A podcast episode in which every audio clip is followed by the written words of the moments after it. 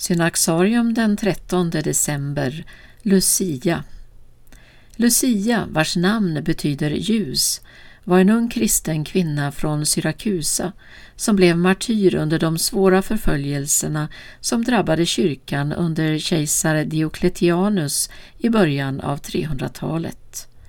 Uppgifterna om hennes liv är knapphändiga, men ryktet om hennes mod spred sig till Rom och på 500-talet firades hennes minne i hela kyrkan. Lucias namn ingår även i en av de äldsta romerska eukaristibönerna. Hennes delvis oförstörda kropp förvaras i en kyrka i Neapel. En rad legender växte med tiden fram om Lucia. Att man ville sätta henne i en bordell men att hon inte gick att rubba.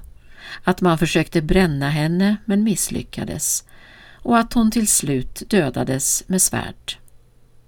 Oavsett sanningshalten i dessa och andra berättelser var hon en av dem som ägde modet att stå upp för sin kristna tro trots tortyr och död. Det ljus hon bar i sitt inre och som utgår från hennes vittnesbörd får vägleda även oss på vår färd genom livet.